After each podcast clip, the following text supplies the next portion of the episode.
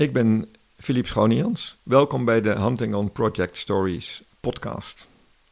Welkom bij de Hunting on Project Stories podcast.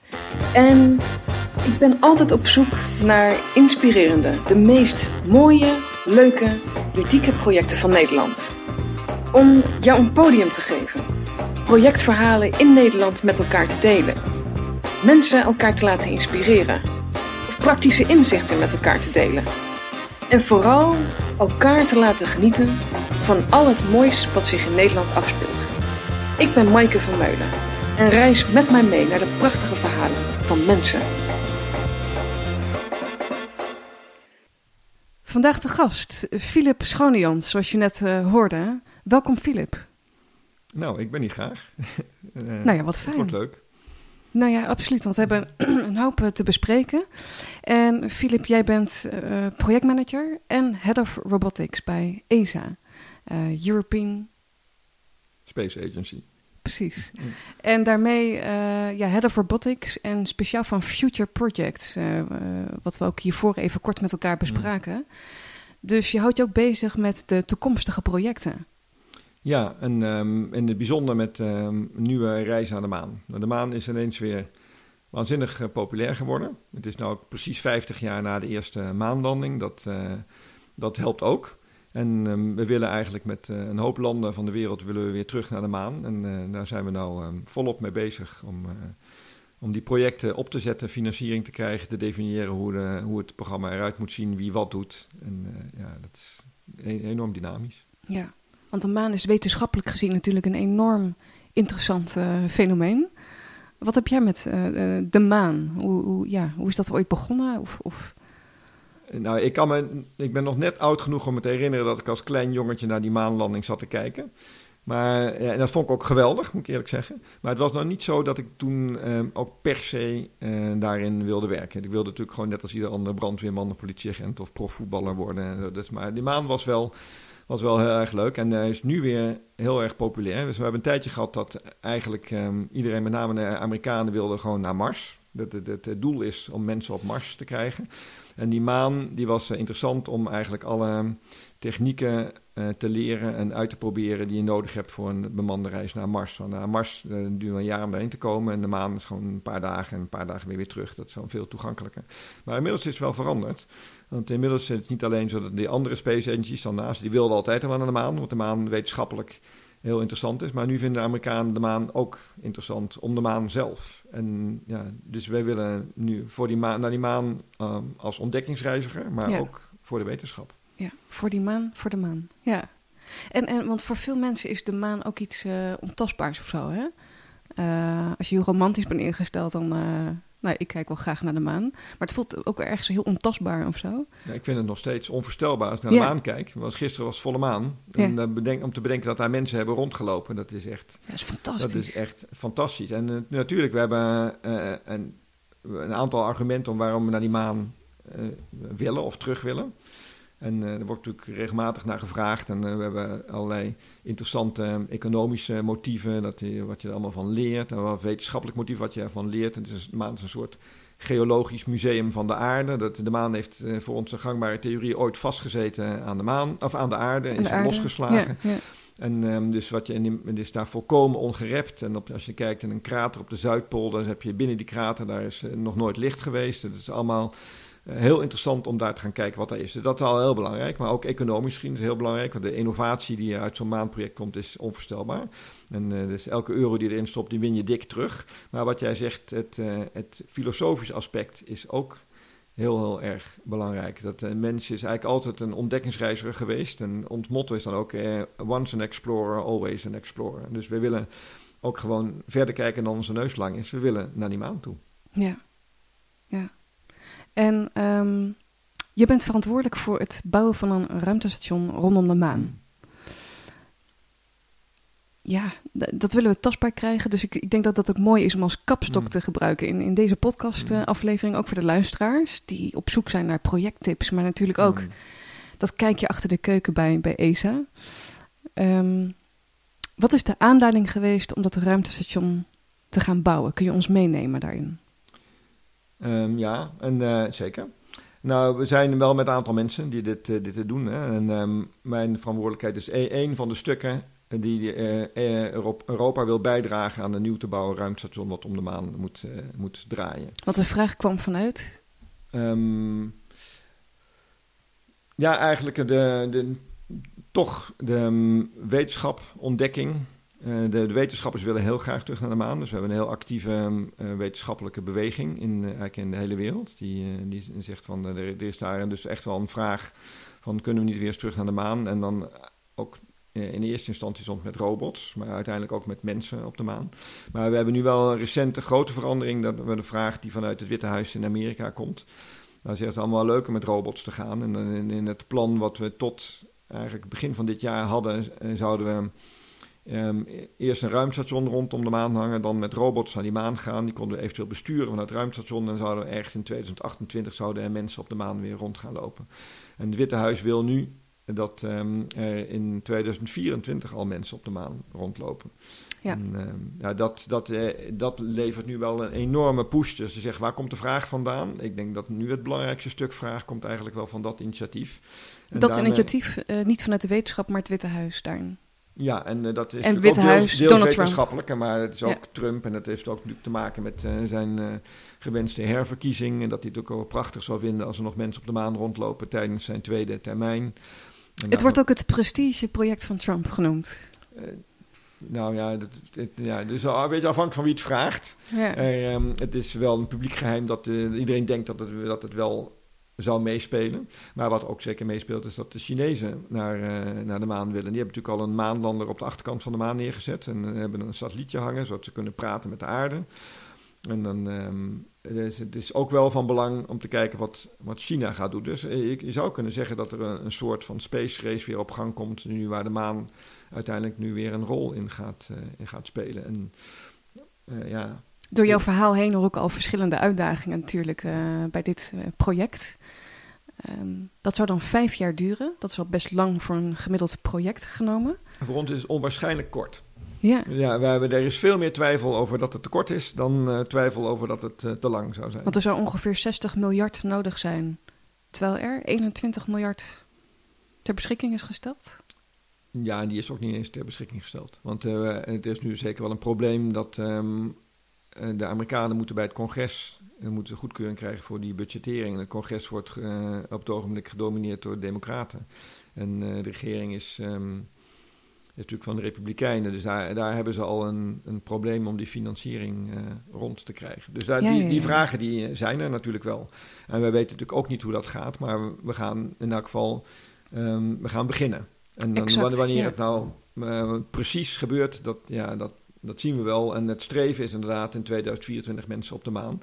En dus ook in, ergens in 2023 moeten de eerste delen uh, ruimtestation rondom die maan cirkelen. Want het is wel de bedoeling dat er dan van daaruit met een soort shuttle service um, uh, naar de maan gegaan kan worden. Dus er is nu een beperkt budget beschikbaar om, om uh, met het project al wel te starten?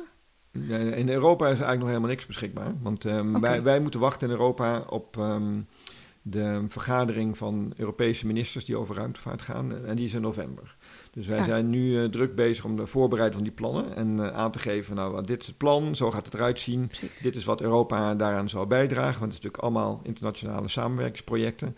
En dan uh, is de bedoeling dat de lidstaten van, van ESA, dat zijn ongeveer de lidstaten van de Europese Unie, niet, niet helemaal, er zijn een paar kleine verschillen.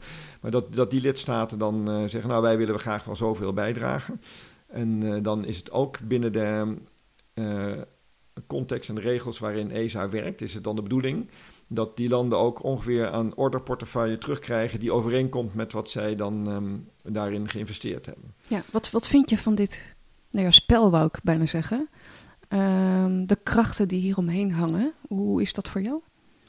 Um, ja, het is, uh, in, het is ingewikkeld. Het, het geeft enorme beperkingen voor ons. Maar het, het is ook um, wat het mogelijk maakt. Dus uh, ik denk dat er voor iedereen ja, ja. in ESA wel geldt dat we in het algemeen dit, dit, uh, deze manier van werken enorm ondersteunen. En um, dit, dit, want je snapt ook wel dat, uh, zeg maar, als, als we wel bijvoorbeeld kan kijken naar een nieuwe lidstaat. die, um, die zeggen, nou weet je wat, wij willen ook in ruimtevaart investeren, maar dan willen we natuurlijk ook wel dat er een bedrijf uit ons land zich dan kan ontwikkelen. Want die landen doen dat omdat ze de high-tech en innovatie in hun land willen stimuleren. Dus iedereen snapt dat het dan ook de bedoeling is dat er uiteindelijk ook wel één stukje van dat project besteld wordt in hun land. Dus de, de, iedereen ondersteunt volledig dit, maar wat, hebben er wel last van. Ja, wat, maar wat vraagt dat van jou? Want wat ik hoor is, het maakt ook dingen mogelijk. Dus dat is de positieve kant. Frustratie kan ik me ook voorstellen, want dat, dat, dat zullen de meeste, of dat hebben heel veel mensen, laat ik het zo zeggen. Als, ja. Uh, nou, de bedrijven die alles het best kunnen, zijn natuurlijk bedrijven die, die dit soort dingen al eens een keer gedaan hebben. Ja. En die zitten natuurlijk heel vaak in de grote landen, in, in eh, Duitsland, Italië, Engeland, Frankrijk enzovoort. En um, dus daar, dat is dan relatief eenvoudig, hoewel je wel moet opletten hoe de verdeling van, de, van dat werk dan uh, uiteindelijk um, tot stand komt. Uh, maar die um, uh, kleinere landen of nieuwere landen, die, die willen ook nieuw werk krijgen. En daar is het ook soms zoeken naar bedrijven die, die al ver genoeg zijn om ook een bijdrage te kunnen leveren. Of ze in, in een, een of andere niche van de markt. Ze hebben soms een, een, product wat, waar ze toevallig heel goed in zijn, dat heel goed bruikbaar is. Maar het kan ook zijn dat ze zich moeten ontwikkelen. En dan moeten ze dus onder de hoede genomen worden door een, een groter bedrijf die een intens uh, begeleidt. En ja, die komen, zulke komen dan soms ook wel in de risicoanalyse terug. Dat ja. zo'n project hangt aan een klein stukje technologie. Want als dat niet werkt, dan heb je echt een groot probleem. En dat wordt, dan, daar moet al echt goed op gelet worden dat die ontwikkeling goed gaat. Dus tot november aanstaande zijn jullie bezig met de voorbereidende werkzaamheden om, om het plan ervan in te dienen? Kan ik het zo zeggen? Ja, dat klopt helemaal. En hoe groot is jouw team? Um, nou, in ESA niet zo groot. Er zijn uh, misschien uh, nou, die aan werken nu misschien twintig man. we hebben wel het, denk het probleem dat als die, die projecten worden goedgekeurd in, um, in november door de ministers, dan moet er ineens moeten er een hoop mensen aangenomen worden in een hele korte tijd. Maar we kunnen dat nu nog niet doen, want uh, ja, het is theoretisch natuurlijk mogelijk dat die projecten helemaal niet uh, komen. En een hele hoop mensen, waar moet ik aan denken? Nou ja, dan um, zullen de projectteams uiteindelijk, um, zullen die, uh, weet ik veel, 40, 50 man. Maar de, de, het, probleem is, de, of het probleem, het is geen probleem, maar de, de um, ontwikkeling en de bouw vindt altijd plaats in de industrie. Dus in ESA doen wij um, dat doorgaans niet zelf. Dus wat, wat doet ESA? We definiëren het project, we, um, we sluiten contracten af met uh, de Europese industrieën die een consortium uh, maken om dat, die project, grote projecten te gaan uitvoeren. Ja. En we begeleiden dan die projecten, we organiseren reviews, we hebben een hele hoop technische expertise in huis. Uh, dat is eigenlijk de, um, ja, dat is de, de kracht van de organisatie, is dat wij zij spelen de rol van een deskundige klant. En dus we kunnen dat project in detail volgen en kijken waar zitten de risico's, waar volgt klopt die techniek, gaat het werken wat jullie voorstellen. En, um, ook als procesbegeleiders, kan ik dat zo zeggen? Ja, ja. en heel intensief ook. En we hebben echt op, uh, op alle mogelijke uh, onderdelen zijn er, um, zijn er experts die daarnaar kunnen kijken. En die komen uiteindelijk heel vaak bij ESA terecht. Je hebt de thermische experts die kijken naar de warmtehuishouding in zo'n uh, in zo'n ruimtevaartsysteem. Je hebt de mensen die kunnen, heel goed kunnen uitrekenen hoe je iets um, heel sterk kunt maken en toch licht. Je mensen die de baanmechanica uitrekenen van hoe krijg je dat ding daar en hoe, ja, hoe zit je met de aantrekkingskracht van alle um, planeten die er, waar die omheen moet draaien. En hoe maar dat zijn allemaal externe partijen, externe deskundigen? Die deskundigen zijn heel vaak um, medewerkers van ESA. En um, daar, in, daarmee voeren wij dus die begeleiding. Want niet alle bedrijven in Europa hebben die expertise zelf aan boord. De hele grote, zoals Airbus en Thales, die uh, hebben dat wel. En die worden dan ook heel vaak hoofdaannemer van zo'n project. Ja, ja, ja, ja. En wie is dan eindverantwoordelijk voor dit project? Uh, ja, um, nou in principe ESA. Um, maar, maar, wie is dat? Jij? We, we hebben, nou, de, ja, als de projectmanager draagt de verantwoordelijkheid, maar die is op zich wel. Die loopt wel ook over een hoop schrijven. Want uh, die, eigenlijk zit iedereen zit in dat bootje. En als het goed gaat, kunnen we allemaal van genieten. En als het niet goed gaat, dan is het ook heel vervelend. Ja, dat is, dat is heel vaak inderdaad. maar uh, het, het, het, om te beginnen wordt het project ja. al uitgevoerd door. Um, dit maandproject in dit geval ja. door um, uh, Amerika, Rusland, Canada, Japan en Europa. Dat zijn al vijf space agencies. En Europa heeft dan iets van 28 lidstaten. Dat zijn ook al een hoop partijen.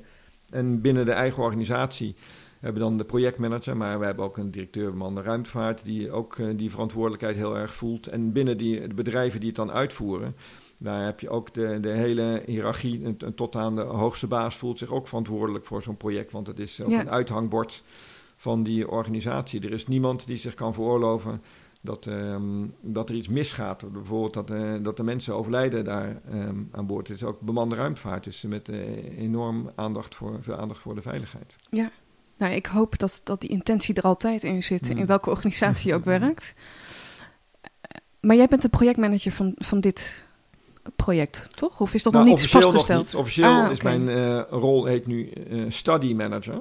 En dat is altijd zo tot het moment dat het project daadwerkelijk gefinancierd is en ja. project wordt. Ja. En dan, um, dan, komt er ook gewoon een vacature waar ik natuurlijk naar ga meedingen. En dan heb ik ook vast wel een goede kans. Maar uh, ik nee, ja, mag, mag mij formeel nee. niet projectmanager noemen van, van zo'n stuk ruimtestation. Maar ja, ik ben natuurlijk wel heel intens mee bezig op het ogenblik. Ja. En stel de plannen worden goedgekeurd in november. Um, wat is dan zo'n doorlooptijd waar je ongeveer rekening mee kan houden dat die financiering ook rond is? Nou, die financiering die wordt gegeven voor. Um, nou, in principe wordt er een, uh, een, een, commitment afgegeven voor het gehele project. Maar de, de daadwerkelijke um, financiering wordt dan op dat moment pas geregeld voor ongeveer drie jaar. Want over drie jaar is er weer zo'n ministersconferentie. En dan ja. wordt zeg maar, het volgende stuk uh, van de financiering wordt dan toegekend. En, uh, maar het is wel de bedoeling dat, um, dat het hele project wordt goedgekeurd. Want het heeft weinig zin om uh, de helft van een project te financieren. En als je geen enkele uitspraak doet of je de volgende helft ook wel zou gaan financieren. Nee, als je dan uiteindelijk niet doet, dan heb je de eerste helft ja. weggegooid. Ja. Maar uh, die, um, die budgettering komt los in, in ons geval in brokjes van een paar jaar. Maar in Amerika bijvoorbeeld in brokjes van één jaar. En zo werkt het eigenlijk voor al die space agencies is ook het het, uh, het, proces van financiering ja, ja. is anders. Ook dus dat wij, nog eens. Ja, ja. Dus wij hebben ook um, uh, cursussen van um, grensoverschrijdend uh, projectmanagement. Dat hebben we eigenlijk allemaal gevolg, gevolgd. Iedereen die hier aan, uh, aan werkt. En um, doorgaans georganiseerd door NASA. En dat was in Florida.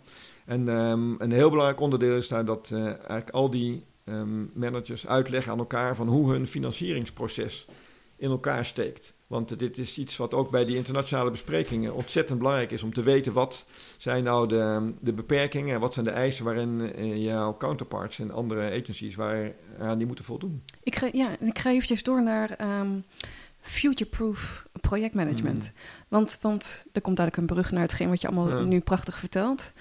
8 oktober hebben we het Future-Proof Projectmanagement Festival van de Benelux. En die vindt plaats op uh, Landgoed Overhart in Breda.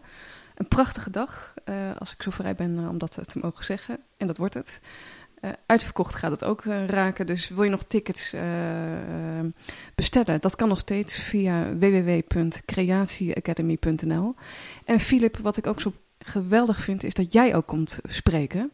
En dat heeft ook te maken met het gesprek dat we hebben gehad, als een kapstok ook in dit hele gesprek. Wat Future Proof nou precies is. Want we hebben daar een, een gesprek over gehad voorafgaand. Wat triggerde dat bij jou? Ja, dat, ik heb ook even over na moeten denken, want die, die term gebruiken wij zelf nooit. Maar ik kan natuurlijk me wel iets bij, bij voorstellen. En als je inderdaad zegt, hoe kun je toekomstbestendig uh, zo'n project voeren? En uiteindelijk kwam ik tot de conclusie dat uh, een, hoop van wat wij moeten doen, gaat inderdaad daarom. En het belangrijkste um, kenmerk van onze projecten vergeleken met andere projecten, dat ze zo onwaarschijnlijk lang kunnen duren. Dus je kijkt naar Um, het definitie van het project, uh, het, uh, het uh, verkrijgen van financiering, het daadwerkelijk sluiten van de contractonderhandelingen over dit soort miljoenen projecten. Het, het bouwen en daarna in gebruik nemen van een, een, een nieuwe raket, een, een, een supergrote satelliet, een ja, ruimtestation. Ja. Dat, dat kan bij elkaar, alles bij elkaar wel 20, 25 jaar vergen. En in die tussentijd verandert de wereld. En dat, dat is waar we rekening mee moeten houden. Ja. Hm. Da daar is iets waar we rekening mee moeten hm. houden. Maar het heeft wel een goed einde gekend als het dan 20 tot 25 jaar kan, kan duren? Nou ja, je kunt zien nu bij het Internationaal Ruimtestation. Dat is, daarvan de eerste stukjes zijn in 1998 gelanceerd. En het is nu 21 jaar later.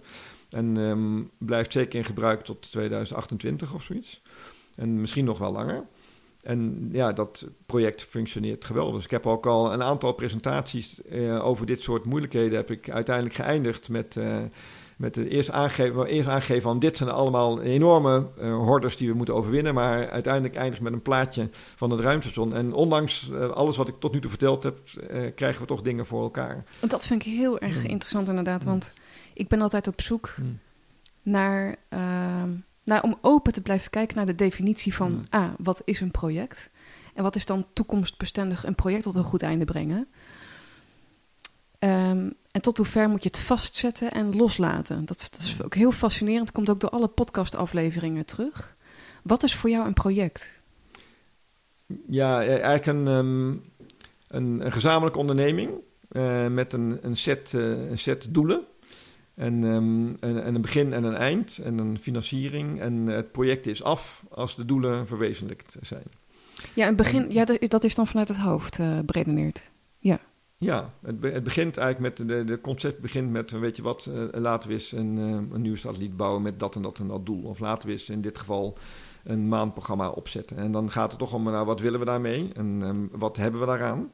En, en dus ook van wat voor hoe moeten wij dan onze doelen instellen. Maar alleen het heel specifieke punt bij ons is dat um, wat willen wij ermee, hoe moet het eruit zien en wat, um, wat hebben we eraan, dat dat verandert over die tijdsduur waar ik het net over had. Want ik hoor ook twee verschillende dingen, uh, uh, een doel of een resultaat. Dat wordt ook vaak door elkaar ingehaald in projecten. Dus het resultaat is het tastbaar in handen, bijvoorbeeld een raket. En het doel is waartoe je dat doet waartoe het bijdraagt. Ja, ik denk dat, het, dat dat doel altijd centraal zou moeten staan. Ja. We gaan niet uh, een raket bouwen omdat we zo nodig een raket willen hebben. Dit, uh, dat gaat eigenlijk om, wat wil je daarmee? Exact, en, uh, ja. en dat ook... Um, de, de financiering die was... Er zijn natuurlijk wel tijden geweest dat financiering nou, heel makkelijk was. Ook in, in, zeker in de tijden van de Amerikanen tijdens die space race in de 60 en 70 jaar. Toen hadden ze geloof ik 4% van het uh, bruto nationaal product was uh, bestemd voor ruimtevaart. En dat, dit soort niveaus gaan we niet meer krijgen. Er wordt nu heel erg goed gekeken naar um, wat hebben we aan zo'n project. En we doen ook een zogenaamde benefits analysis.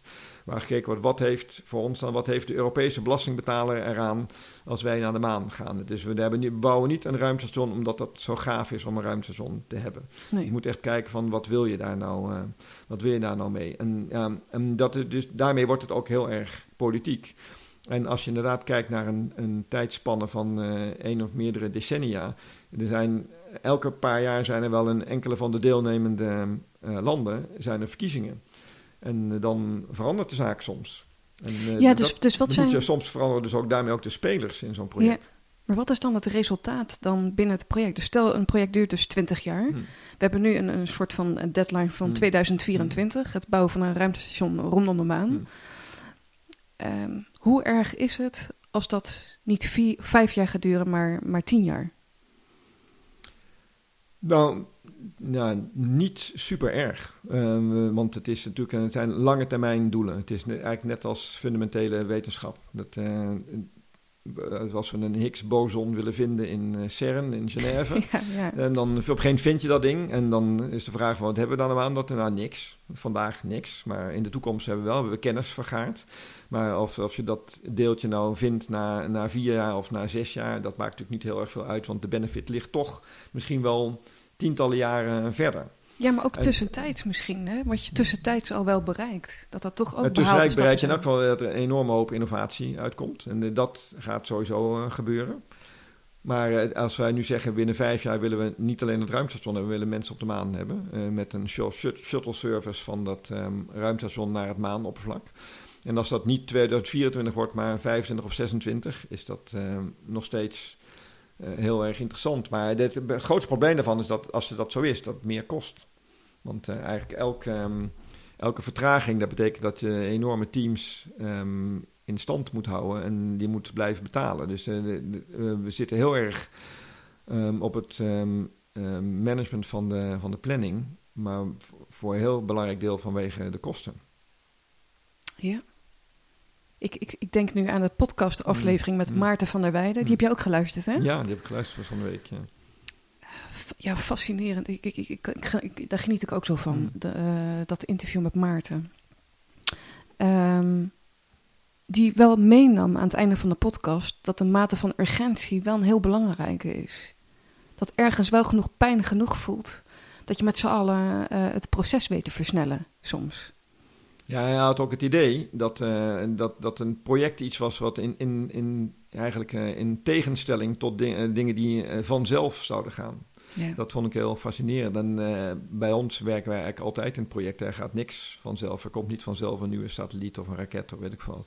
Daar wordt altijd um, um, lang, lang over onderhandeld tussen alle deelnemende partijen en de belanghebbenden en landen dus ook vaak.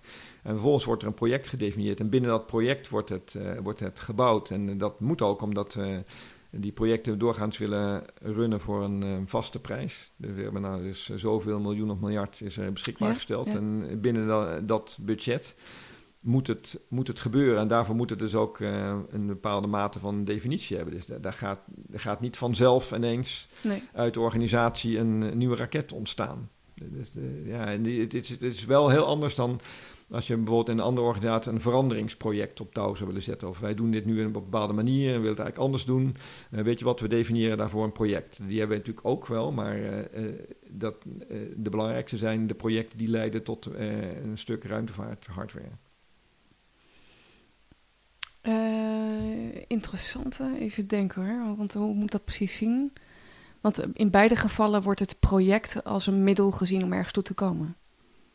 Ja, dat is wel, we zijn wel veel erg project georiënteerd.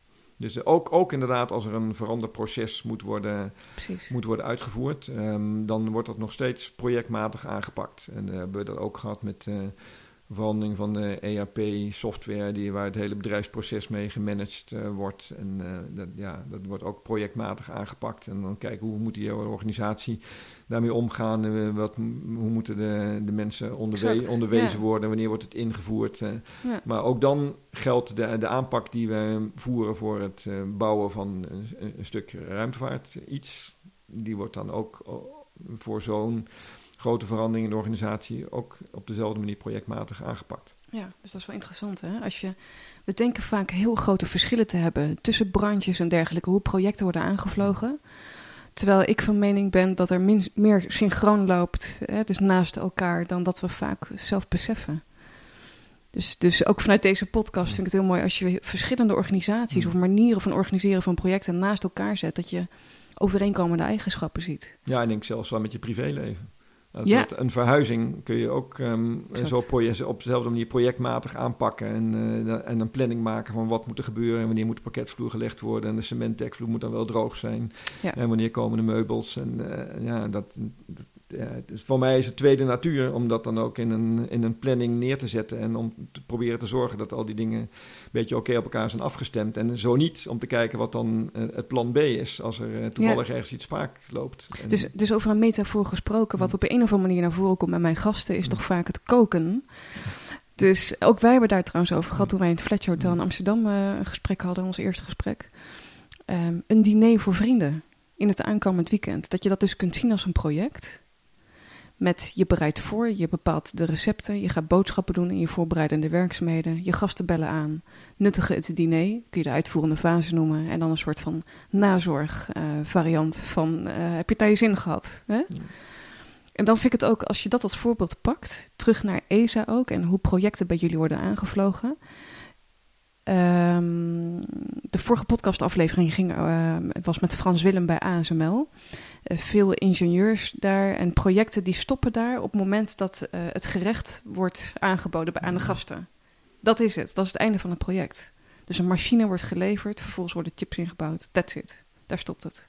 Dus niet van, joh, wat vond je ervan? Ja. ja, dat is wel eigenlijk een leuke um, metafoor. Want het viel me al eerder op dat elke. Jij bent heel erg bezig met uh, inderdaad de beleving en de inspiratie. En eigenlijk al soort, soort hogere waarden rondom zo'n project. En ik kom natuurlijk uit een enorme high-tech organisatie met allemaal uh, ingenieurs die, uh, die heel erg zakelijk denken. En als ik dan kijk naar het koken, dat, dat koken is natuurlijk een, waanzinnige... Uh, is eigenlijk logistiek. En hoe krijg je nou alles uh, op het juiste moment klaar? En uh, waar het misgaat is natuurlijk ook altijd dat het ene niet gaar is en het andere al wel. En het, het ene deel verpietert. Dus als je, stel je kunt dat hele logistieke proces projectmatig aangepakt hebben... en uiteindelijk is alles komt helemaal, helemaal perfect. Maar dan is het nog, staat het nog steeds los van het feit dat soms de leukste diners waar je nog jaren over hebt, zijn de diners waar van alles nog wat misgegaan is. En uh, er weer iets niet geleverd werd. En dan moest er op het laatste moment uh, een van de noodoplossing bedacht worden. En iedereen uh, heeft zich kostelijk geamuseerd en er wordt over van alles gelachen. En iedereen had de juiste instelling. En dan is het diner toch geslaagd, ondanks dat de logistiek misschien niet optimaal was. En het Ja. andersom kan ook. Dus er zijn inderdaad ook in elk project andere waarden dan alleen maar of alles perfect op rolletjes georganiseerd is. Ja, wat ik interessant zit, vind, je zegt van eh, wij zijn meer zakelijk ingesteld, maar misschien kijk, bekijk ik dit juist zakelijk en jullie meer los. Nou, misschien is het woord zakelijk ook een, Ja, maar vind ik niet het juiste woord hier. Eh, het, eh, er, wordt heel erg gekeken naar eh, het, het fysiek tastbare resultaat. En daarom zei ik al Ja, ja, in een eerder voorgesprek van... want eh, als we, mm, als we te veel kijken naar, naar het proces en, en hoe het in elkaar steekt en waar, hoe, hoe de mensen erin zitten en samenwerken, eh, dan kom je ook automatisch op dingen waarvan sommige eh, ehm, zeg maar, eh, techneut of heel super rationele mensen bij ons ook wel eens ehm, eh, zeggen nou, dat ze allemaal flauwekul vinden. En dat er bij sommige cursussen waar daarop gelet wordt, die, ehm, die in de organisatie plaatsvinden, zijn ook wel mensen, ja, zegt, ik heb geen tijd voor dit soort bullshit. Ik, en er zijn zelfs mensen weggelopen van ik ga weer aan het werk. En het is nu wel de laatste jaren zo dat er veel meer aandacht komt ook bij ESA voor, voor de werksfeer in de organisatie. En, eh, Ja, het gaat, maar het gaat voor mij erboven verder. zit. Ja, Ja. maar het gaat voor mij zoveel verder dan werksfeer en, en de zachte componenten. Mhm. Het is ook strategisch nadenken.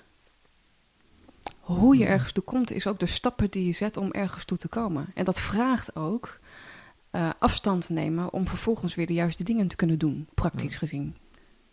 Ja, nou, de, de strategie, daar, daar zijn we wel heel erg mee, mee bezig. Met name in, ehm, in het bedenken van wie wat zou moeten doen in zo'n groot samenwerkingsverband. En welke, welke belanghebbenden hebben er welke wensen en welke, welke eisen soms ook, waar ze hun financiering van afhangt. En wat willen de Duitsers, wat willen de Italianen, wat willen de Fransen. En ehm, welk stuk zouden ze dan eventueel willen gaan doen? En dit, dit is... eh, eh, dat, dat wordt uiteindelijk wordt het een belangrijk spel, zoals je dan in Europa natuurlijk ook vaak ziet eh, in de, in de Eu- Europese politiek.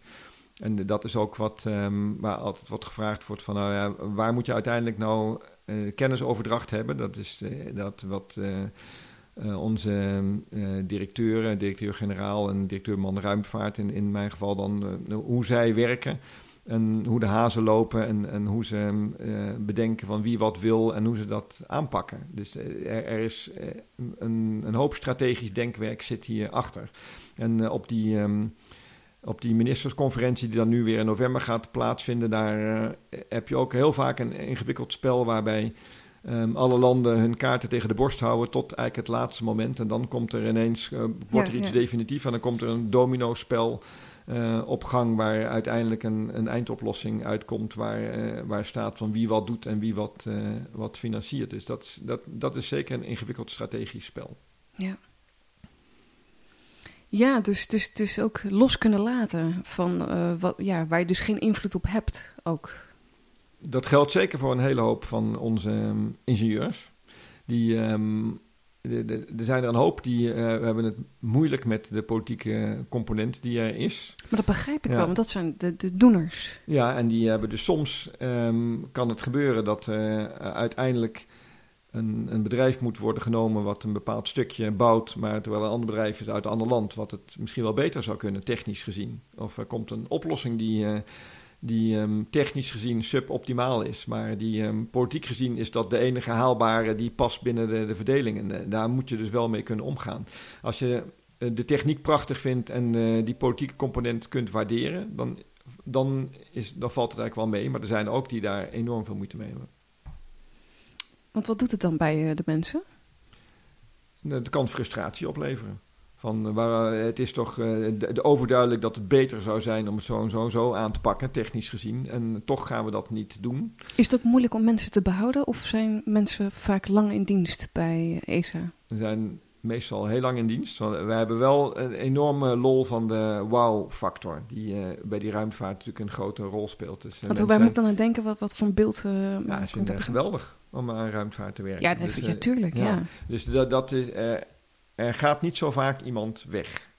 En ehm, zelfs niet als er sprake is van enige frustratie over... Dat het bijna als een eer voelt om, om, om, om bij te mogen dragen.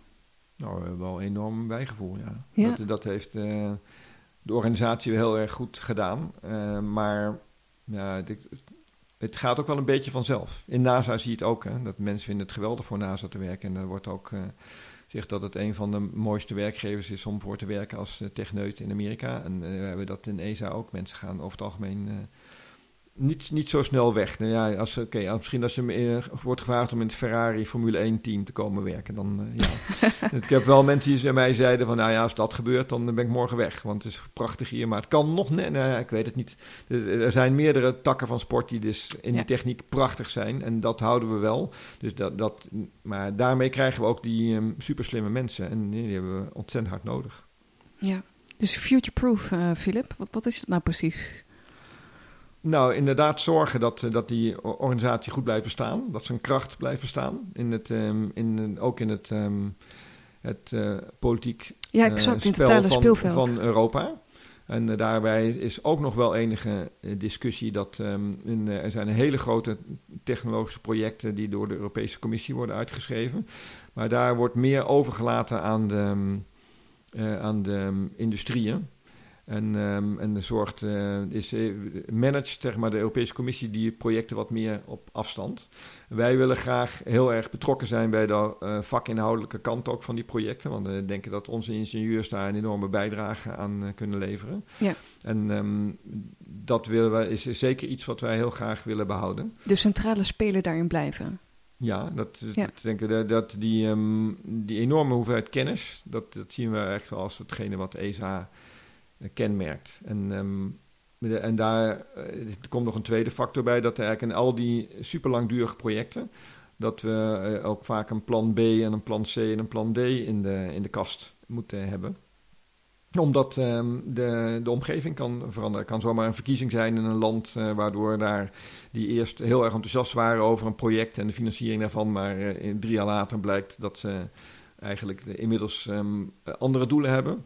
Dus je hebt ook Ja. mensen die dit continu analyseren. Wat de omgevingsfactoren Oh, zijn. Ja, ja en, eh, dat, eh, en ook bedenken wat we dan zouden moeten doen om te zorgen dat we eigenlijk voor elk stukje van het project eh, twee mogelijke spelers hebben. Wat, ehm, wat niet altijd kan. Want er zijn, zijn een aantal dingen waar gewoon maar, maar één bedrijf bijvoorbeeld de technologie beheerst om iets. om een bepaald product te maken. En dan willen we wel zo snel mogelijk investeren om te zorgen dat er een, een, een tweede speler op die markt komt die dat ook kan of iets vergelijkbaars kan, zodat je uiteindelijk eh, zou kunnen omschakelen als er iets gebeurt met het ene bedrijf of als er iets gebeurt met het land van dat ene bedrijf wat Ja. ineens niet meer wil bijdragen. En als je kijkt naar de um, foutencultuur bij ESA, daar ben ik wel heel nieuwsgierig naar. Heeft het een open foutencultuur of een ehm, aversie voor fouten cultuur? Ik denk wel best open.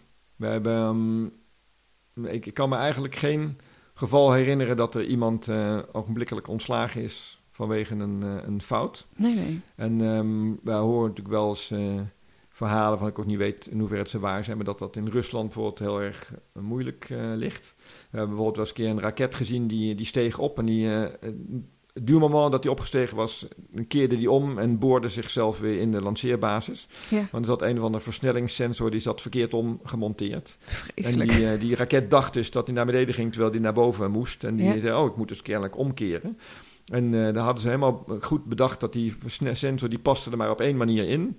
Eh, maar ze konden uit de brokstukken konden ze vaststellen dat ondanks dat hij eigenlijk niet paste, dat die, de ingenieur die hem had geplaatst, dat hij echt met, met heel hard duwen, maar toch verkeerde zon in had weten te krijgen.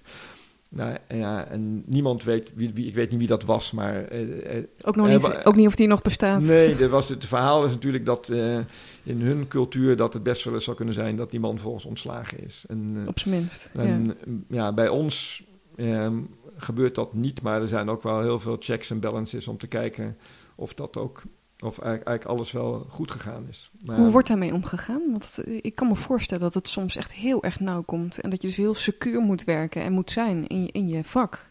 Ja, en er zijn ontzettend veel mensen die dat heel erg ehm, prettig vinden. Om, ehm, en die, met een enorme toewijding ehm, alles minutieus eh, checken. En nou, met sampling. Dus we checken een deel daarvan, zolang het goed gaat. Maar als je ergens een, een stuk van project vindt waar eigenlijk elke keer als je checkt, dan is wel iets mis. Dan wordt het natuurlijk steeds beter gecheckt. Maar zijn het ook eh, perfectionisten? Als ik naar mezelf kijk bijvoorbeeld, hè? positief perfectionisme, eh, noem ik het dan maar. Nou, een, een, een, een misschien gezonde vorm van dwangmatigheid wat ik wel in me heb. Het moet erop zitten. Voor minder doe ik het niet. Ja, kan ik mezelf ook heel lastig mee maken, maar het brengt me ook ver. Ja, en deze perfectionisten hebben we eh, ontzettend hard nodig. Omdat we inderdaad eh, eh, moeten checken, want het minste foutje kan zo'n project doen mislukken. Zeker als je iets de ruimte in schiet en je kunt er niet meer bij.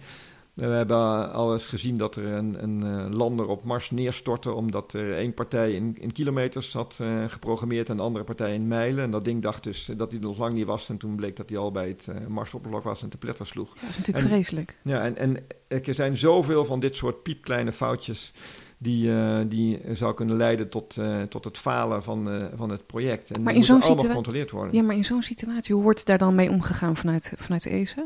Als dit zou gebeuren. Ja? Ehm, Open foutencultuur?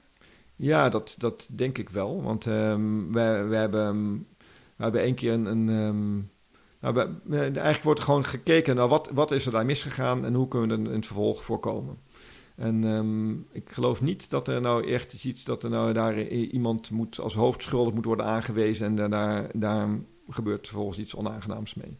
Eh, en dat betekent ook dat we, we kunnen dan ehm, in, de, in, in de toekomst kijken, beter op zoek, steeds beter op zoek gaan naar dit soort fouten. We hebben altijd lessons learned eh, documenten. Dat is ook inmiddels een, ehm, een noodzakelijke output van elk project. Aan het Ah, eind als- van het project moet er een, eh, een lessons learned eh, document gemaakt worden, zodat die kennis op een of andere manier overgedragen wordt. Maar die moet gemaakt worden. Wordt die ook gemaakt? Ja, dan, dat eh, wordt eigenlijk altijd gemaakt. En nu wordt ook zelfs gezegd, eh, en we willen daar steeds verder mee komen. Het, het, ja, het, is wel moeizaam, want eh, de meeste mensen die willen, eh, na dat project af is, willen ze door naar het volgende. Precies, dat En zie je vaak. Hè? Ja, en dan het eh, dumpen van hun kennis, dat is toch gewoon een soort tweede prioriteit. Dan zijn we weer bezig met iets nieuws. Dus nu is ook de regel dat bij elke ehm, tussentijds review moet ook gekeken worden naar, ehm, naar hoe de, de lessen van andere projecten, vergelijkbare projecten zijn geïmplementeerd en hoe daar is mee, rekening mee gehouden. Nou, dat is een, een deel, daar, daar moet die, ehm, dat deel van onze ESA-organisatie die gaat over het organiseren van zogenaamde corporate reviews, die moet daar wel voor vechten dat dat gedaan wordt. Dat, eh, en, eh, maar het begin is er met ehm, in elk geval het willen doen.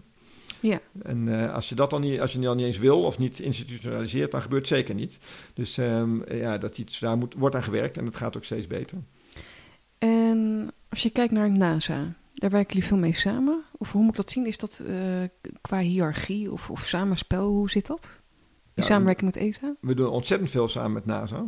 En ehm, dat gaat over het algemeen heel goed. Maar wa- wat wel waar is, dat NASA een veel grotere speler is dan wij zijn. Ze hebben veel meer geld. En daarmee hebben ze ook in die samenwerking hebben ze ook meer in de melk te brokkelen. En dat is eigenlijk altijd ehm, wel lastig.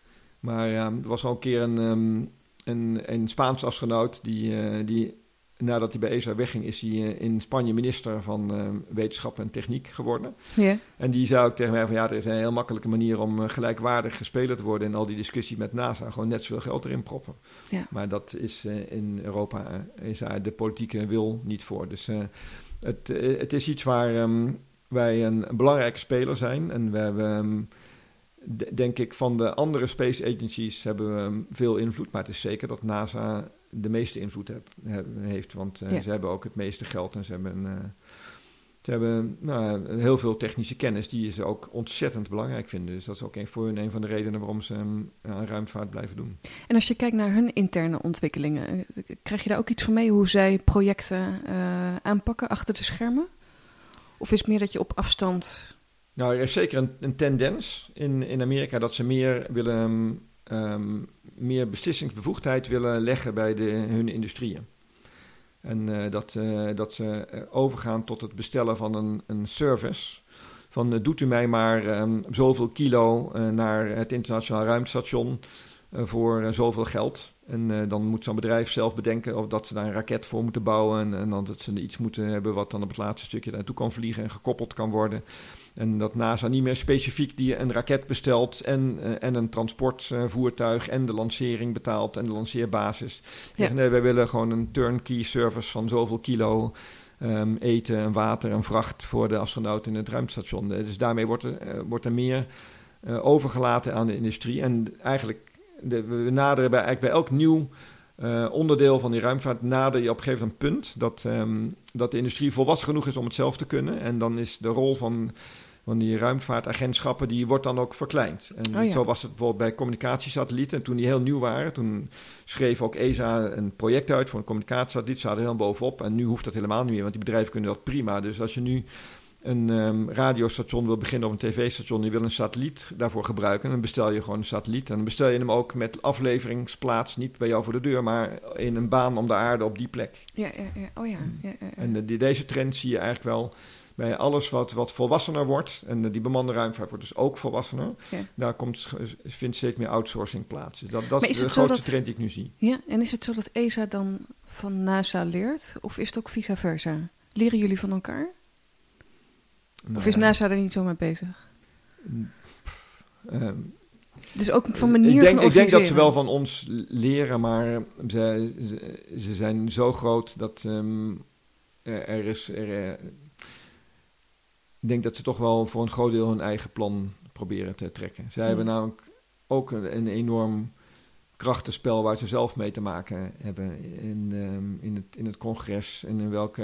eh, er is ook niet één NASA, er is ook niet één Amerika. Ze hebben verschillende staten en die hebben allemaal senatoren en die willen Ja. weer wat anders. En ze hebben vestigingen van NASA in, in al die staten. Dus zij moeten ook rekening houden met hun eigen interne politieke situatie. Maar die is eigenlijk belangrijker ja, ja. dan het, eh, het leren van, eh, van anderen van ESA. Maar dit wil, Ja, dat wil niet exact. zeggen dat zij natuurlijk zeker kijken naar hoe alle anderen het, eh, het doen. En ook hebben ze heel veel gekeken naar hoe de, hoe de Russen het doen. De, de, wij hadden altijd in, in Europa en Amerika meer iets van... we gaan heel erg goed nadenken vooraf over hoe we iets gaan bouwen. En dan bouwen we het hopelijk in één keer en dan moet het goed zijn.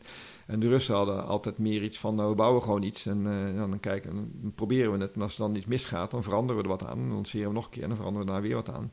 En dat is nou iets wat je nu ook ziet bij, ehm, bij Musk van SpaceX. Ja, ja. Die eh, hanteert eigenlijk ook die, ehm, die strategieën. Hij heeft bijvoorbeeld die, ehm, die stukken raket, die eerste trappen die terug kunnen keren na een lancering. Dan landen ze weer op een platform in zee of op, eh, op aarde.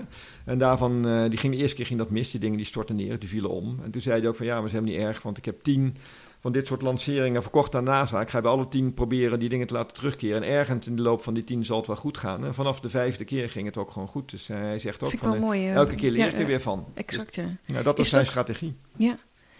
Kan het ook binnen ESA? Want je hebt dan toch een bepaald budget. Kun je, dus zeggen meer topondernemers zeggen dat ook, hè? Eh, Zorg voor veel mislukkingen. En dan zit er op een gegeven moment een bepaald idee tussen. En die, gaat, die is gewoon booming. Kan Het- dat ook zo binnen ESA werken? Het is zeker moeilijker. Want eh, Musk had natuurlijk ook... eh, ehm, hij kreeg veel geld daar van de Amerikanen. Ja, en het was ja. ook iets wat... op het moment dat, dat die dingen terugkwamen... dan wist de service eigenlijk al geleverd. Want die raket is op weg met zijn lading... en of er dan zo'n booster ehm, neerstort of omvalt... dat maakt dan niet meer zoveel uit... want zijn product heeft hij al geleverd. Dus hij kreeg betaald. Maar hij had ook een enorme diepe zakken met eigen geld. En wij, eh, wij kunnen dit ook proberen om iets, iets meer agile te zijn, wat, wat sneller te werken, wat meer dingen te proberen. En eh, ik denk dat er ook wel ehm, mensen zijn die dat heel graag zouden willen. Maar we moeten wel heel erg goed opletten op de marketing van zo'n ehm, van zo'n verhaal. En je noemt even agile er tussendoor. Eh, Is, bedoel je dan wendbaar of het agile gedachtegoed? Ja, het gedachtegoed. Ja. Ja. En wat, wat ook, in, bij, ook bij ons in, in opkomst is. Maar eh, meer eigenlijk bij software van de grondstations. En eh, nog niet per se bij ehm, eh, ja, dingen, satellieten of raketten, wat dingen die in de ruimte in moeten worden geschoten. Want daar heb je toch echt wel eh het kenmerk dat als je er helemaal wegschiet, kun je er niet meer bij. Dus er moet gewoon, eh, ja, het zijn dingen die wel van de eerste keer af al ehm, moeten werken. Dus dat, dat is zeker wel een, een, eh, een punt wat lastig is. Maar we hebben ook een, een keer een, een ehm, satelliet gehad die draaide rond Mars. En dat ding, ehm, dat deed precies wat hij moest doen. was een hartstikke duur ding, was geweldig. Maar daar hadden ze ook een klein landertje gemaakt voor Ja. heel weinig geld. Ja. En ehm, er zat ook, ehm, waar niet, was niet alles dubbel en uit, dubbel of driedubbel en uitgevoerd. En was eigenlijk bedoeld, nou we gaan dat eens proberen. En dat, dat ding zou dan naar het Marsoppervlak gaan en storten daar neer. En uh, wat, wat, toen heel jammer was, is dat, uh, en er werd later ook, uh, in, werd dat ook allemaal geanalyseerd, dat in, de, in de, het verhaal eromheen was dat ding eigenlijk veel te belangrijk gemaakt voor, de, um, voor het risico wat er aan kleefde. Hm. Dus uiteindelijk is de neerstorting van dat goedkope probeersel is, veel meer in de media behandeld dan ja, die satelliet die met heel goed resultaat en prachtige waarnemingen rondom Mars draaide, waar eigenlijk het, het, het levendeel van het geld in was gegaan. En die was wel volgens alle regelen der kunst ontwikkeld. En um, ja, dus je moet ook wel heel goed opletten als je een, een probeersels maakt met het idee van uh, probeer gewoon iets en voor goedkoop en probeer nog een keer, nog een keer, nog een keer. Ja. Dat, het, uh, dat het ook moet mogen Precies. dat het misgaat. En dat je zegt het gaat mis en ik leer ervan, de volgende keer doe ik het beter. Ja, ja. Wat was jouw mooiste mislukking? Nog, jezus. um, nou, ik denk, nou ja, mooiste. Uh, mijn, ik kan wel zeggen wat mijn lastigste uh, project ja, is. Laten we daarmee beginnen. Ja. Ja. Mijn lastigste project is um, een grote robotarm voor het internationaal ruimtestation. Die al lang al af is. Maar wat in een samenwerkingsverband is gemaakt met de Russen. En hij uh, moet gelanceerd worden op een Russische raket. En vastgeknoopt aan de Russische nieuwe module voor dat ruimtestation. En die Russen hebben enorm problemen. En dat, dat uh, is al tien jaar lang dat ze ons zeggen dat het, uh, dat het project met een jaar wordt uitgesteld. En dat is de, de nagel aan mijn doodskist. Maar dat is al wel geïmplementeerd, uitgevoerd? Het, nou ja, het is nu zoals al de afgelopen tien jaar is het plan dat die volgend jaar gelanceerd wordt. Oké. Okay. Maar het is al tien jaar lang het plan ja, dat die volgend jaar gelanceerd wordt. En dat, dat is echt... Um, het project waarbij je het best kunt zien dat, uh, dat die grote ruimtevaartprojecten in, in, in samenwerksverband gedaan moet worden. Maar daarmee creëer je ook een enorme afhankelijkheid. En Want wat dat, heb je hiervan geleerd? Onder andere dit? Nou, dat, dat, um, dat het goed is om die afhankelijkheid te beperken. En dat staat ook eigenlijk in, in, um, in een hele hoop uh, richtlijnen en lessons learned en documenten die, uh, die worden gepubliceerd in die uh, Europese ruimvaartomgeving van hoe je dat zou moeten aanpakken. Maar we weten aan de andere kant ook dat dit soort megaprojecten, die kunnen we niet meer in ons eentje doen. Dat is gewoon te groot. Daarvoor is er um, eigenlijk te weinig financiële spankracht. Uh, of je zou het moeten opknippen in kleine stukjes, maar dan moet je heel goed opletten dat die stukjes die je dan wel in je eentje kan doen, dat die ook waarde hebben zonder de andere stukken. Dus, dus dit is eigenlijk ja, een, ja. een, enorm, uh, een, een, ja, enorm probleem bij de uh, definitie van projecten om hier goed over na te denken en een mooie oplossing voor te vinden. Dus in bullet points, wat heb je geleerd? Um, nou, dat um, je wel moet samenwerken.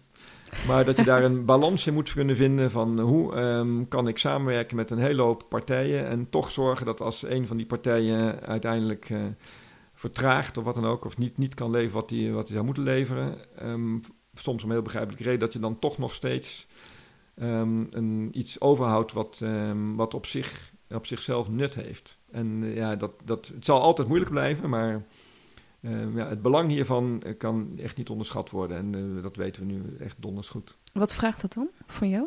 Of met de mensen om je heen? Uh, het vraagt um, bij de projectdefinitie een, um, een, een, mentaliteit om daar heel goed op te letten en, en, en naar te kijken. En te zien of, um, of we een op zichzelf staand stuk in zo'n samenwerkingsproject kunnen krijgen. En waarbij we ja, dus die afhankelijkheid een beetje een beetje beperken. En dan ook waarde creëren, uh, eigenlijk ongeacht van hoe, um, hoe het project verloopt. Dus we ook waarde halen uit uh, de, de, kennis die we eruit halen. En uh, dat we iets ontwikkelen, techniek ontwikkelen en technologie die ook elders bruikbaar voor is. Maar blijft de focus dan wel scherp als je dit soort ja, benodigde bijvangsten erbij haalt? Ja, de bijvangst wordt eigenlijk wordt belangrijk. Ja, precies. Dat ja. wordt eigenlijk dan de hoofdvangst. Misschien? Of? Nou, dat misschien niet, maar het wordt belangrijk. We hebben bijvoorbeeld wel eens gevraagd aan lidstaten van welke stukken van zo'n ruimtevaart, bemande ruimtevaartprogramma nou het meest interessant voor hun waren. En uh, was een van de opties was het maken van een, een nieuw ruimtepak om op de maan te kunnen lopen.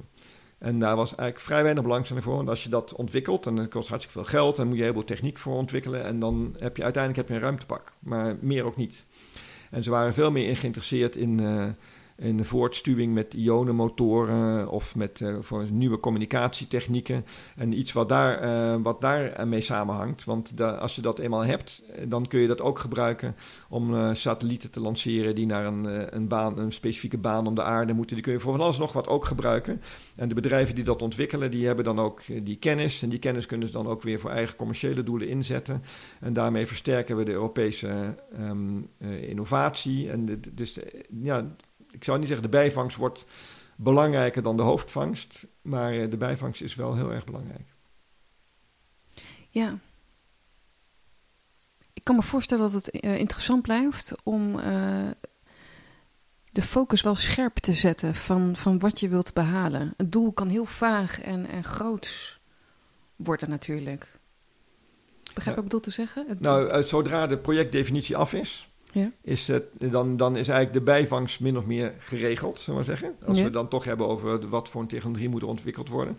En vanaf dat moment eh, heeft de, de, het projectmanagement eigenlijk eh, wel volledig als hoofddoel om gewoon binnen de gestelde tijd en binnen het gestelde budget um, iets te bouwen wat voldoet aan de eisen die in, in het eisendocument zijn vastgelegd. Hmm. Dus dan, dan wordt het wel heel erg expliciet. Ja, Want je wil uiteindelijk ook gewoon bereiken wat, uh, wat je bedacht had uh, om te gaan bereiken. Ja, en zo snel mogelijk van start kunnen gaan. Als, ja, als de en, omgevingsfactoren en, meewerken. En als het eenmaal begonnen is, ook op tijd afmaken. Ja, en, en tussentijds scherp zetten inderdaad. Dus ja. je kunt een projectdefinitie hebben, maar dat is natuurlijk een, een, een, een dus geen statisch document. Dat is zeker dynamisch. Ja. ja. En, en daar wordt, er wordt ook heel veel nou ja, het, het, kan altijd gebeuren dat er iets verandert en dat je daar terug moet naar, uh, naar de eisen en uh, moet kijken, moet het misschien toch iets anders? Of uh, kunnen we wel alle eisen halen? En, of is er ook een, een compromis denkbaar? Maar het, het is daarmee niet anders dan andere grote infrastructurele projecten. Zoals we al uit onze eigen omgeving kennen, Noord-Zuidlijn heeft langer geduurd, de Betuwe-lijn, ja, ja. um, het verbouwing van het Rijksmuseum. Het, het, uh, er is altijd dit, dit punt dat uh, uiteindelijk wat eruit komt is, um, is waarschijnlijk net even anders dan wat oorspronkelijk bedacht was. Het duurt doorgaans ook wat langer.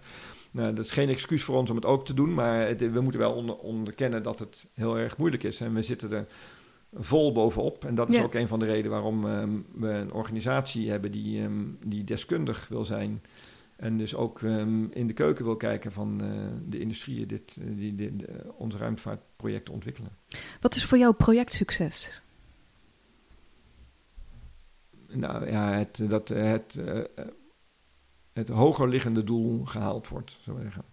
Dus het kan zijn dat, um, dat het ijsdocument veranderd is in de loop der jaren. Als, als je alles haalt zoals je het oorspronkelijk bedacht, dan nou, dat prachtig, dan is het project zeker succesvol.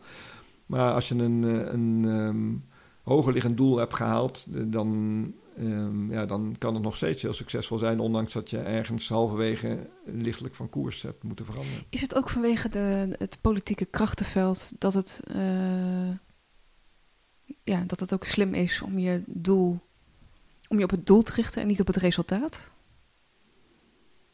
Nou, dat, ik zie dat onderscheid niet, uh, niet zo nee. helemaal, maar er wordt wel altijd gezegd dat, um, dat we een open mind moeten houden. Zeker, zeker in deze fase. Kijk, als je zegt uh, we willen duurzamer uh, mm. ons dingen doen, dat mm. kan een doel zijn. Mm. Maar de, de, resultaten die je tastbaar in je handen hebt, of te zien is fysiek, um, dat dat dan wijzigt gedurende de periode. Prima, als het het doel maar dient, dat het verduurzaamt. Ja, nou in, in een van de gevallen die, die wij nu zeggen, wat wij willen met de, het ruimtestation rondom de maan, is dat er een, uh, een um, duurzame en herhaalbare, betaalbare toegang tot het maanoppervlak door wordt, uh, door wordt geleverd. Oké. Okay. En uh, je kunt wel, als je zeg maar één keer wil, dan kun je het ook anders aanpakken. Maar het gaat juist om de, om de herhalingsfactor. En uiteindelijk wordt het, wordt het beter om met zo'n ruimtestation uh, te werken. En uh, da daarom willen we het uiteindelijk ook. En dus, hoe je daartoe komt? Ja, dat, dat is tot nu toe nog best open. Want we, we zijn ja. nog best wel aan het schroeven aan de definitie van hoe dat er allemaal uit moet zien. En het is daar ook dat we, dat we aan ons gezegd, ja, hou een open uh, geest, want het kan, um, het kan allemaal nog veranderen. En heb je dan wel tussentijdse mijlpalen die bereikt worden? Die, ja, eh, eh, eigenlijk al die projecten die worden opgehangen aan, ehm, aan bepaalde reviews. En die reviews die definiëren, die, die hebben een, dat zijn allemaal mijlpalen. Dus, dus als je wanneer, kijkt wanneer naar... is het, het, het eisenpakket min of meer compleet? Ja. Wanneer is de eerste definitie van hoe het eruit gaat zien compleet? Wanneer zijn de eerste ehm, ehm, proefmodellen gebouwd? Wanneer wat, wat valt er uit die testen? En, en daar wordt ook voortdurend ook geëikt van, uh, past het nog wel in het grotere plaatje? Dus het is niet, ehm, je kunt ook uh, een, een, stuk ontwikkelen wat uiteindelijk prachtig is en voldoet helemaal aan wat je oorspronkelijk bedacht had, maar de wereld is, uh, de, de rest is veranderd. Dus er, wordt, ja. er wordt steeds bijgesteld. En maar bijstellen is duur, want um, dan um, zijn ook altijd extra kosten mee gemoeid. Dus met name als, een, als er al een heel apparaat van honderden mensen een bepaalde kant op aan het lopen is en je zegt ineens, weet je wat, we, gaan toch linksaf in plaats van rechtsaf. Wat zou je nog graag doorontwikkeld willen zien in projectmatig werken?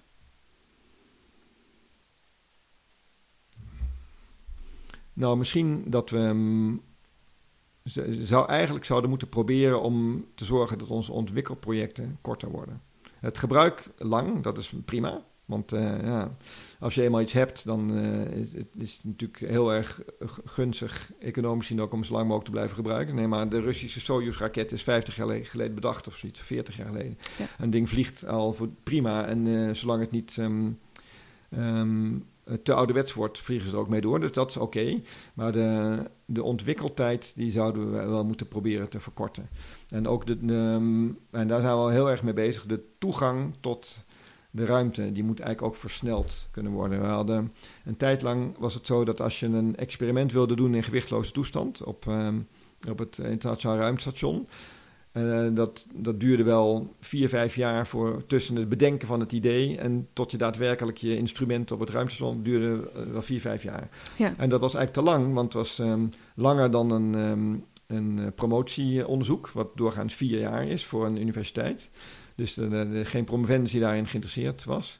En het was langer dan in de industrie um, zou willen hebben voor een, voor een experiment. Bijvoorbeeld de Unilever heeft wel experimenten gaan van hoe, hoe ontwikkelt schuim zich, en foams en gels en hoe, zijn die dan, hoe werken die in de ruimte. Dan kun je heel wat leren als je geen zwaartekracht hebt over hoe dat werkt. En dan kunnen ze dan weer gebruiken in hun producten. Dus die waren een zeker potentiële klant voor experimenten daar. Maar als het te lang duurt om daaraan te kunnen beginnen, dan is het ook niet meer interessant. Dus wij zijn nu heel erg bezig met het versnellen van de toegang tot de ruimte. En nu zijn we op het punt aangekomen dat uh, als je nu een idee hebt dat het uh, na iets meer dan een jaar kun je dat al uitproberen op het ISS. En dat, dat is echt een enorme verbetering. Oh, Oké, okay. en als ik weer terug mag gaan naar projectmatig werken, hmm. dus dat, die, dat de projecten korter duren dan hmm. zeg maar 20, 25 jaar.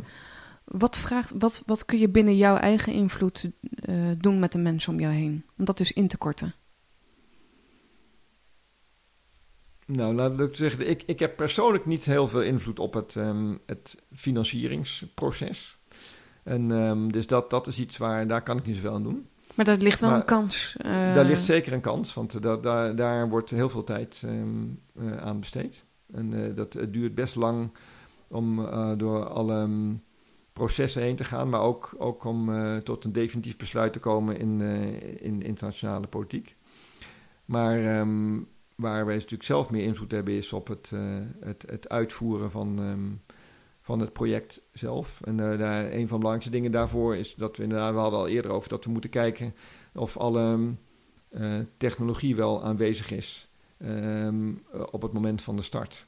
Dat je niet te veel uh, onderdelen hebt die, um, waarvan niemand nog weet eigenlijk hoe, je, um, hoe, hoe, het zou moeten werken of hoe het zou moeten oplossen. Dat, dat uh, er wordt er gezegd dat je een zogenaamd technology readiness level zou moeten hebben voor elk component in je systeem van minimaal zoveel. En pas dan is het uh, verstandig om eraan te beginnen. Dus de, de, de, dat voortraject, daar moeten we echt enorm op, ja, ja. op sturen, zodat we dan ook als project daadwerkelijk tot de bouw komt, dat je dan gewoon zo snel mogelijk door kunt werken zonder ja. al te veel tegenslagen. Ja, dus toch iets meer focus op die verkennende fase dan meteen gaan doen, hoor ik? De verkennende fase is ontzettend belangrijk. En uh, het is ook belangrijk om al, al in de, in de, is weer een ander deel van de organisatie dat ervoor zorgt dat er technologieontwikkeling plaatsvindt in speciale ja. prototype uh, projecten. Uh, om te zorgen dat je daar een goede aansluiting mee hebt. En dat je die, um, die poot van ESA ook goed vertelt van wat, wat je nodig hebt voor je projecten. Dus uh, welke, welke technology gap uh, er, dan, er dan is. Of wat, wat ontbreekt er? En waar moet op gefocust worden dat, dat, um, dat die lacune wordt ingevuld, zodat dus je, ook, je projecten er, er ja. baat bij hebben. Dus dan ook, ook communicatie, samenwerking. Ja, dat is echt um, heel, heel erg belangrijk. En ik heb een, um, een paar jaar lang heb ik de vrij unieke positie gehad dat ik uh, um, hoofd was van het board in ESA, wat uh, bedacht welke technologieontwikkeling moest worden, moest, het budget kreeg, zullen we zeggen, ja. voor, voor de um, bemande ruimtevaart en exploratie. En ik was ook projectmanager van daadwerkelijk projecten, maar dat, uh, ik heb nou, is het eigenlijk te druk geworden. Dus dat is, iemand anders doet dat nu. En nu moet ik zorgen dat ik met deze, dit soort mensen heel erg goed communiceer. Dat kon ik vroeger in mijn eigen hoofd uh, doen. Maar nu, uh, nu vergt dat specifieke aandacht. Ja, ja, ja, ja. Ja, jeetje, ik zit naar de klok te kijken. We zijn inmiddels uh, een goed uur met elkaar in gesprek. Wat wil ik nog veel van je weten? De Hunting on Project Stories podcast, daar, daarin zit je nu. Je bent ook in Klokhuis uh, geweest. Uh, door NPO uh, 1 heb je een, een radio-interview gekend. En zo nog meer ehm, mediakanalen. Is, is, wat, is, wat, wat maakt dat, je, dat je dat doet? Ik kan me voorstellen dat dat, dat niet bijdraagt voor het verder vooruit bewegen van je projecten. Meer misschien meer het gezicht laten zien van wat er precies vanuit de ESA ook plaatsvindt. Wat, wat, wat is voor jou de, ja, nou, afgezien van het feit dat ik het leuk vind om te doen, en, uh, is het ook echt onvoorstelbaar belangrijk voor ESA als organisatie dat we, um, dat we aan de um, wereld eigenlijk vertellen wat we doen en waarom dat we het doen. Want slotverrekening, ze worden betaald door de Europese belastingbetalers. Ja, ja, dus die moeten weten wat er, um, wat er gebeurt met hun investering.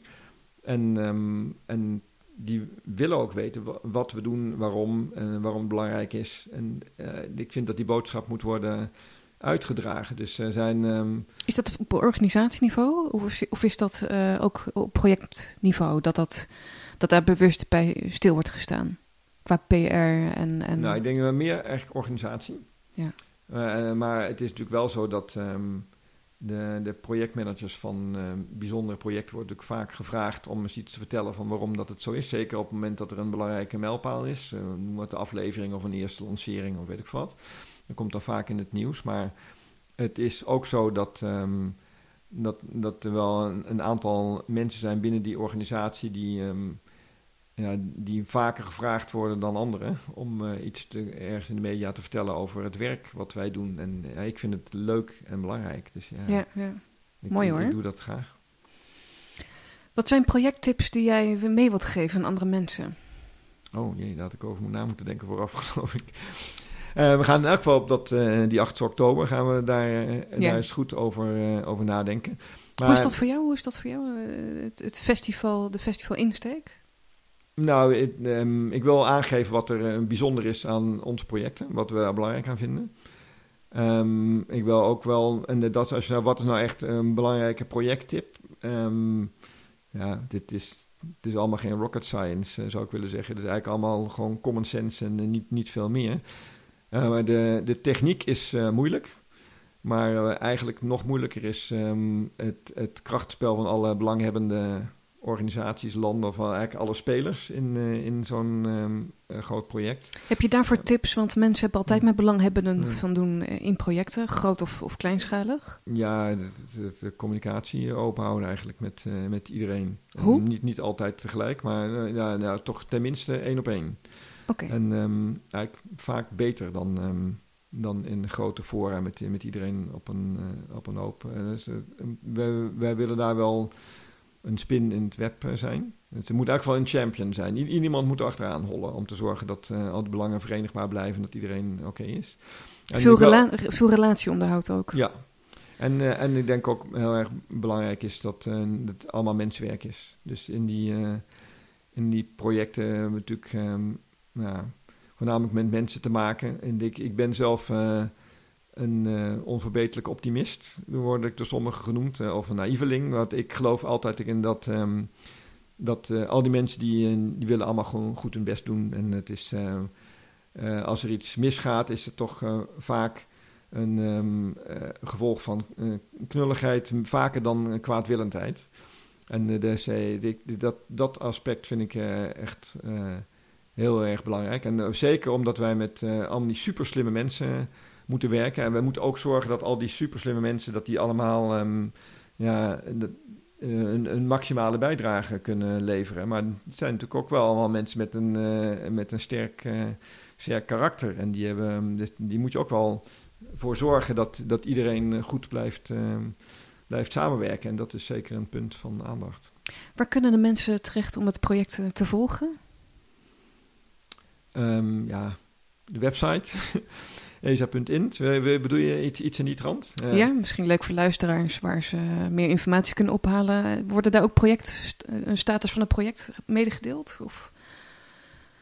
Um, nou, niet, niet specifieke periodieke ehm, status. Uh, dat, is, dat, is, vaak intern of naar de lidstaten is er een, uh, uh, heel veel rapportage.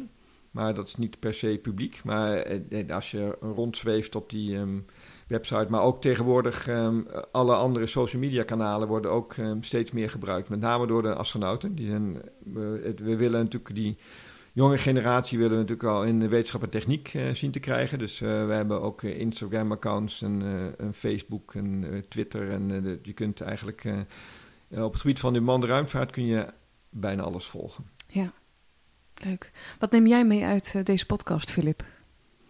Nou, dat ik gedwongen ben om over na te denken. Van wat er nou specifiek is aan wat wij doen. En, um, en wat er specifiek is um, wat te maken heeft met met de, de, toekomstbestendigheid en, en wat, um, ja, van hoe we om moeten gaan met de lange duur van de, van de projecten. Dus het is eigenlijk uh, altijd leuk om even te ontsnappen aan de waan van de dag en de, en de e-mails die moeten worden verstuurd en de spreadsheets die moeten bekeken worden en dan uh, ja. even wat afstand te nemen. Dus dat was hartstikke leuk. Mooi om te horen. En wat zijn de componenten daarbinnen die jij meeneemt? Wat bedoel je daarmee? Dit is hoog over wat je nu net vertelt. Het is heel mooi, maar wat is concreet daarbinnen wat je voor jezelf uit deze podcast meeneemt voor jezelf? Hmm. nou, misschien, misschien inderdaad uh, nog weer eens meer focus om te kijken hoe, um, hoe we um, kunnen omgaan met onze um, uitloop van projecten, om die te minimaliseren. Dat is. Uh, niet dat ik daar nou uh, ogenblikkelijk vandaag het geniale idee voor heb opgedaan, maar nee. we wel weer wat meer gedrukt op het belang ervan. Oké, ja. Nou, mooi. Goed. Ik wil je heel erg uh, bedanken. En um, ehm, 8 oktober dus op het Futureproof Projectmanagement Festival. Dan ga je ook spreken daar. En dan zal het ook ja, een verdiepingsslag kennen op gebied van wat is nou future-proof projectmanagement zoals dat bij ESA er wellicht uit kan zien? Wat doet men aan opleiding ook, aan mogelijkheden om bijvoorbeeld nieuwe projectmanagers in, binnen ESA uh, op te leiden en, en klaar te stomen? Uh, heb je hier nog aanvullingen op? Uh, nee, ik denk dat het een mooie ja. samenvatting. Dus uh, dat gaan we gezamenlijk uh, voorbereiden. En uh, ik wil je heel erg bedanken als gast hier in deze podcastshow. Dankjewel. Graag gedaan. Dankjewel voor het luisteren naar de Hunting of Project Stories podcast. Met de meest mooie, leerzame, ludieke verhalen van Nederland en de Benelux. Stay futureproof. Creëer jouw projectsucces. Projectmanagement is een populair vak. Met een reden. Kom naar het Futureproof Projectmanagement Festival. 8 oktober aanstaande. Hier wil je bij zijn. Op www.creatieacademy.nl vind je de early bird tickets tegen een zeer aantrekkelijke prijs. Wees er snel bij. Tot volgende week.